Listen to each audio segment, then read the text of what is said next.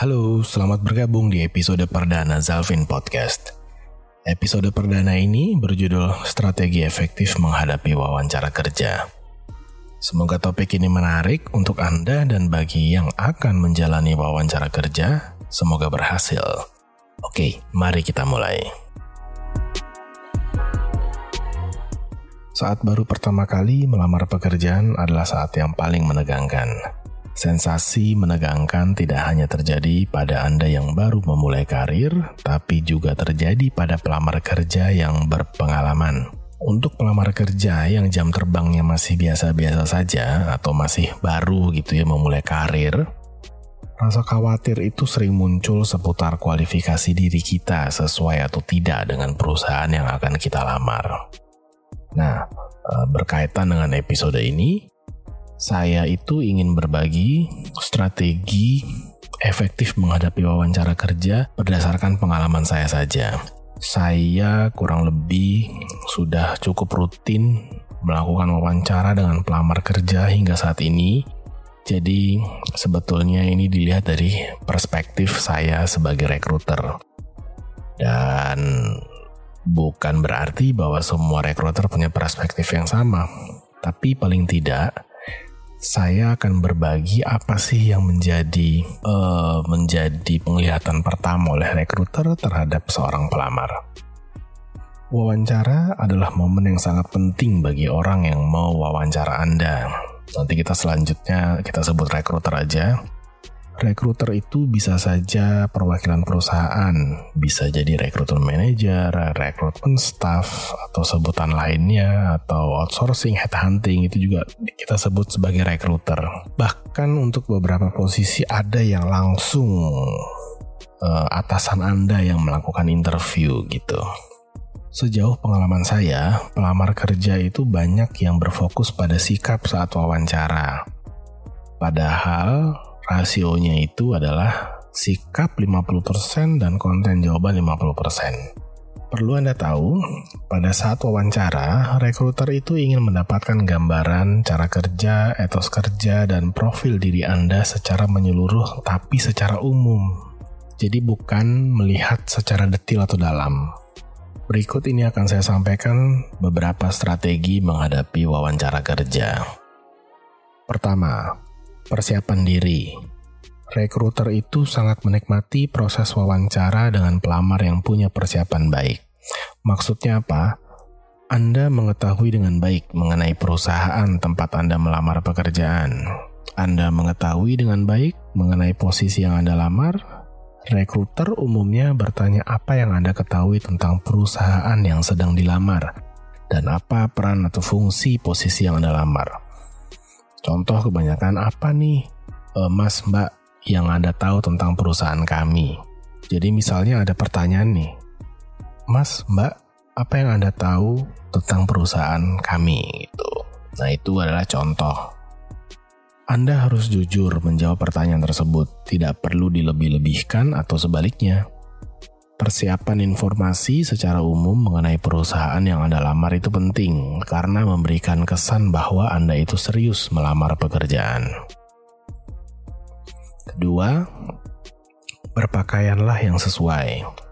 Ada pepatah, good looking is a good branding.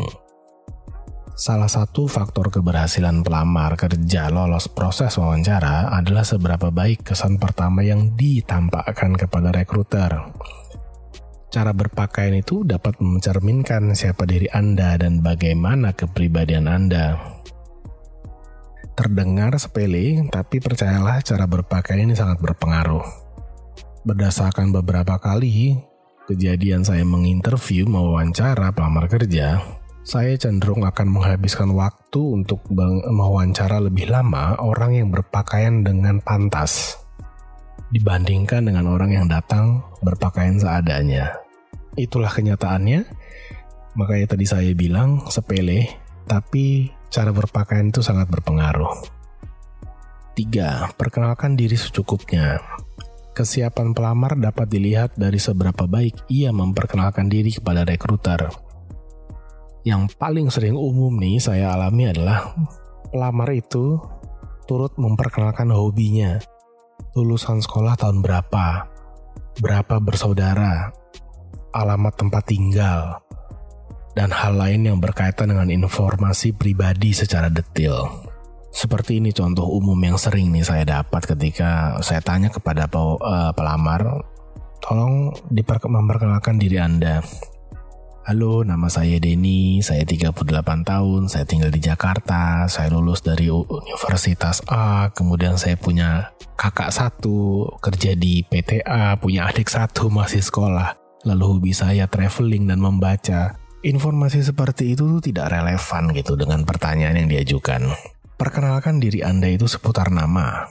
Oke, pengalaman kerja sebelumnya bagi yang udah punya. Kalau belum punya, sebutkan saja misalkan pengalaman organisasi apa gitu.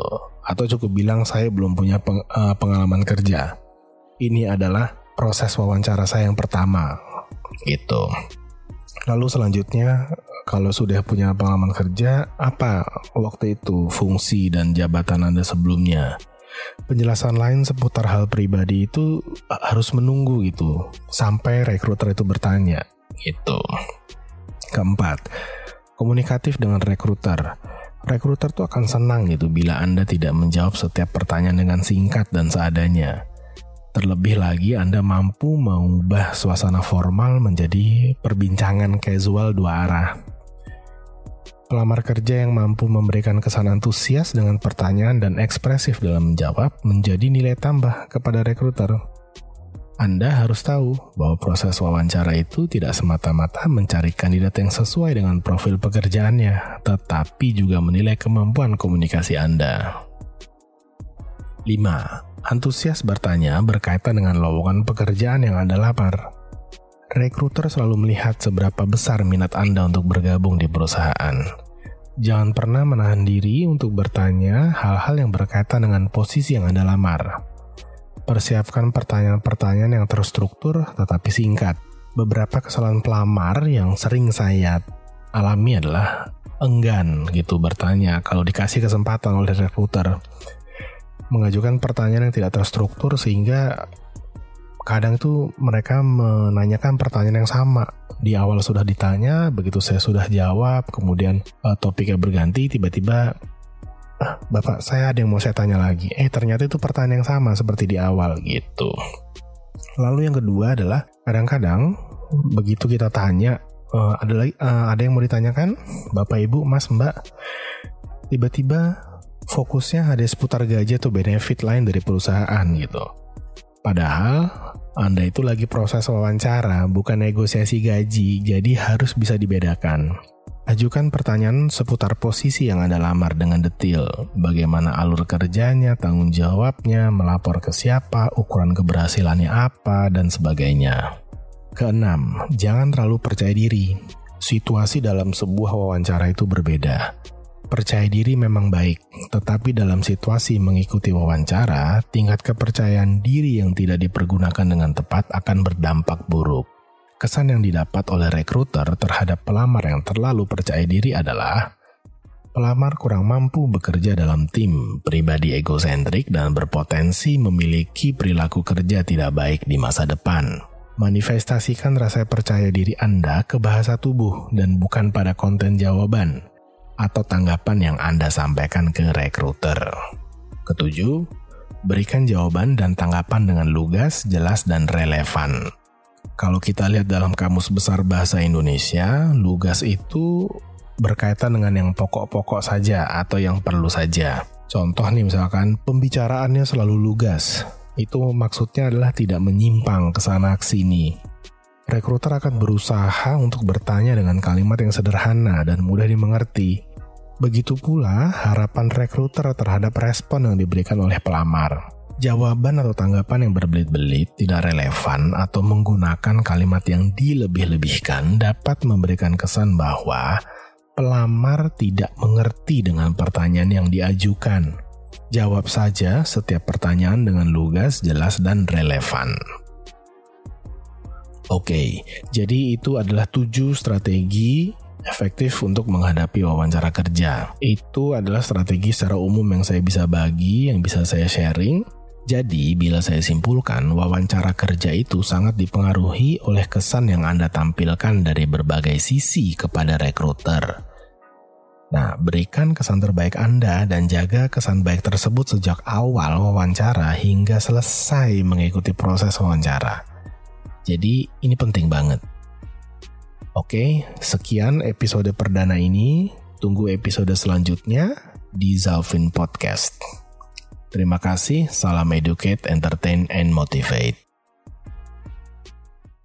Terima kasih sudah mendengarkan podcast saya. Jika Anda tertarik untuk tahu lebih jauh, silahkan kunjungi website saya di www.zalvin.my.id z a l v i n.my.id atau follow akun Twitter saya di @zalvin. Dengarkan episode baru di minggu depan dan jangan lupa follow dan subscribe channel podcast saya ini di Spotify, Google Podcast, Apple Podcast, Breaker, atau di Radio Public. Sampai jumpa.